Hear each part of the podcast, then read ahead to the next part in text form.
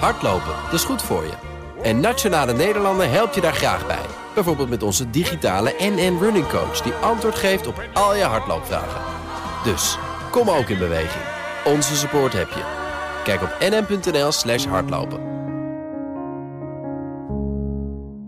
Dit is de Oekraïne Ochtend Update. Mijn naam is Geert-Jan Haan. En ik ben Bernard Hammelburg. We praten hierbij over de laatste ontwikkelingen in Oekraïne. En de gevolgen voor en de reacties van de buitenwereld. Je vindt deze podcast in je favoriete podcast-app. Eerst gaan wij naar de reis die Vladimir Poetin gisteren ondernam naar Belarus. Voor het eerst in tijden om daar met zijn ambtgenoot Lukashenko te praten. Na afloop zei Poetin dat Rusland niet van plan is om Belarus in te nemen. Nou, dat zal opluchting hebben gegeven in Wit-Rusland. We gaan daarover praten met uh, uh, buitenlandcommentator Bernard Hammelburg in de Oekraïne-update. Maar het meest verse nieuws is, Bernard trouwens, goedemorgen. Poetin heeft gezegd dat de situatie in de vier geannexeerde regio's extremely difficult zijn. En ja.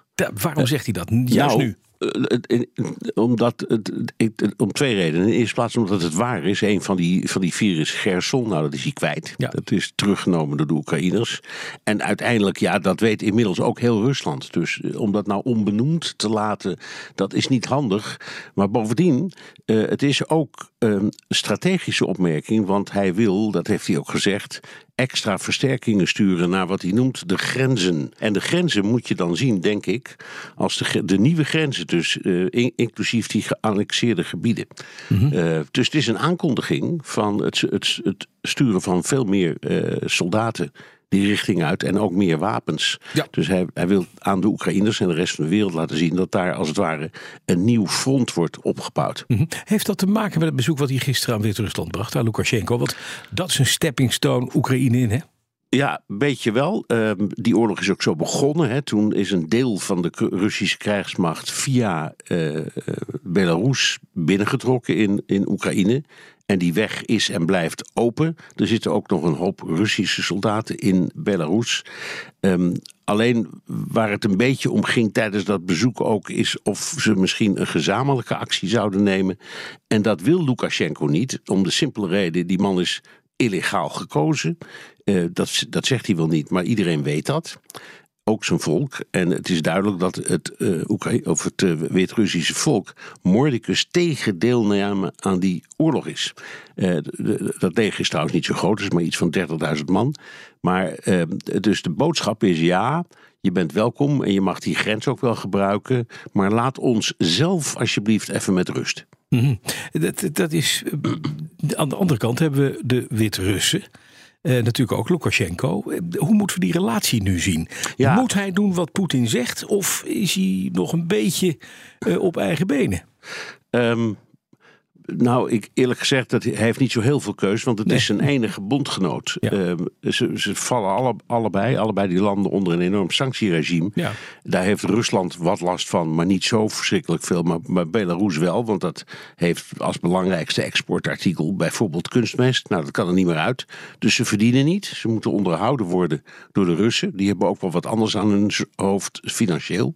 Dus het is, wat dat betreft uh, loopt Lukashenko een beetje aan de leiband van uh, Rusland. is zijn enige bondgenoot. Ja. Maar hij moet ook wel rekening houden met de binnenlandse omstandigheden. Mm -hmm. Dus hij moet ook zeggen. Uh, duidelijk maken, en dat heeft hij ook gedaan, van er kan geen sprake zijn bijvoorbeeld van een, een, soort unie tussen de twee landen, wat, wat Poetin vreselijk graag wil.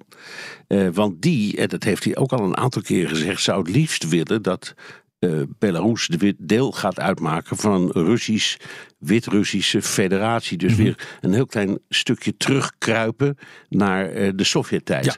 En dat is iets wat Lukashenko absoluut niet wil. En ook duidelijk heeft gemaakt, de vraag, de goede vraag die je stelt, als puntje bepaalt je komt, kan hij dat ook volhouden? Ja. Ik heb er twijfels over, mm -hmm. maar hij doet in ieder geval zijn best. Ja, dat is, dat is mooi. Nou heeft meneer Lukashenko niet alleen maar vrienden gemaakt in zijn eigen land uh, met zijn optreden. Uh, er zijn heel veel uh, Wit-Russen buitengewoon fel gekant tegen deze oorlog in Oekraïne. Ja. Eenvoudigweg omdat ze daar familie hebben wonen bijvoorbeeld. Ja, ja. Dat is ook zo. Ja. Uh, dus dat grensverkeer dat is verstoord. Ja. Uh, en bovendien, en dat is natuurlijk ook iets wat hoort bij de strategie van dat hele bezoek en samenwerking, hoe je het ook noemt. Uh -huh. Het dwingt, en dat hebben de Oekraïners ook toegegeven, het dringt de Oekraïners om een, een compleet ingericht front te houden aan de grens met Belarus. En dat gaat ten koste van de rest van hun krijgsmacht. Dus uh, Poetin en, en Belarus spelen Oekraïne ook een beetje uit elkaar. En ook dat valt onder de, onder de Wit-Russische bevolking niet erg goed. Die, die vinden eigenlijk dat wat Rusland doet, moet Rusland doen. Uh, maar uh, wij hebben onze eigen opvattingen en die mogen niet worden ondergeschoffeld. En dat gebeurt heel duidelijk wel. Hm, ja, dan even naar VS-chef Antonio Guterres. Die zegt, ja, de oorlog gaat nog wel een tijdje duren. En hij heeft weer hoop op een bestand uitgesproken. Maar ja, wat, ja, wat, wat, moeten nou, we nou? Ja. Ik vind dat woord hoop vind ik eigenlijk het belangrijkste wat je nu noemt. Want normaal gesproken zou je van iemand op zo'n positie verwachten. Het ging over het jaar 2023. Mhm. Dat hij dan een bestand verwacht.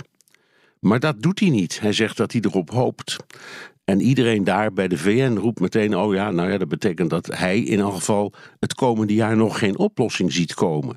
Dat is nogal wat. Niet dat hij dat nou, daar de wereld nou mee verrast. Want de, de meeste mensen denken dat die oorlog eh, behoorlijk lang gaat duren. Maar het is toch wel een, een hele bittere conclusie. En uh, ja, bij dit soort mensen moet je altijd letten op elk woord. En dit woord hoopt is volgens mij de sleutel. Ja, dan eventjes in Letland kwam de Joint Expeditionary Force samen. Dat is een nog een bondgezelschap van onder meer Engeland, Nederland en de Baltische Staten. Wat, wat stond er op de agenda? Wat deden ze ja, Ja, dat is, dat is eigenlijk een solidariteitsclub. Die is opgericht door mhm. Boris Johnson na de brexit. Mhm. Eh, en dat was niet onverstandig. Die dacht, ik moet met een aantal Europese landen... moet ik ook over dit soort dingen kunnen blijven praten. Het staat ook onder voorzitterschap. Dus het is, uh, de voorzitter gisteren was Sunak. Um, en uh, ook Nederland zit in dat clubje. Het, het zijn uh, Scandinavische landen, de Baltische Staten en Nederland. Uh, normaal is dat op regeringsleidersniveau. maar Rutte en Hoekstra waren bezig met excuses aanbieden, dus die konden niet. Dus Ollongren is geweest. Um, Betekent het concreet heel veel? Nee, en toch weer wel, want uh, dit soort solidariteit is in elk geval voor Oekraïne belangrijk, maar het is ook belangrijk binnen bijvoorbeeld de EU en de NAVO. Dat er landen zijn die eh, ondanks bijvoorbeeld de enorme discussie, het debat dat gaat tussen Frankrijk en Duitsland over hoe groot nou die steun moet zijn, een groepje Europese landen zegt, maar wij weten precies uh, hoe het moet en waar je solidariteit moet neerleggen en wat de consequenties daarvan zijn. Dus het is een sympathiek groepje. Ja. Betekent het politiek veel? Nee, maar dat kun je voor al deze dingen zeggen die nu gebeuren. Het betekent toch ook wel weer iets. Dankjewel. BNR's buitenlandcommentator Bernard Handelburg. Hardlopen, dat is goed voor je. En Nationale Nederlanden helpt je daar graag bij. Bijvoorbeeld met onze digitale NN Running Coach... die antwoord geeft op al je hardloopvragen. Dus, kom ook in beweging. Onze support heb je. Kijk op nn.nl slash hardlopen.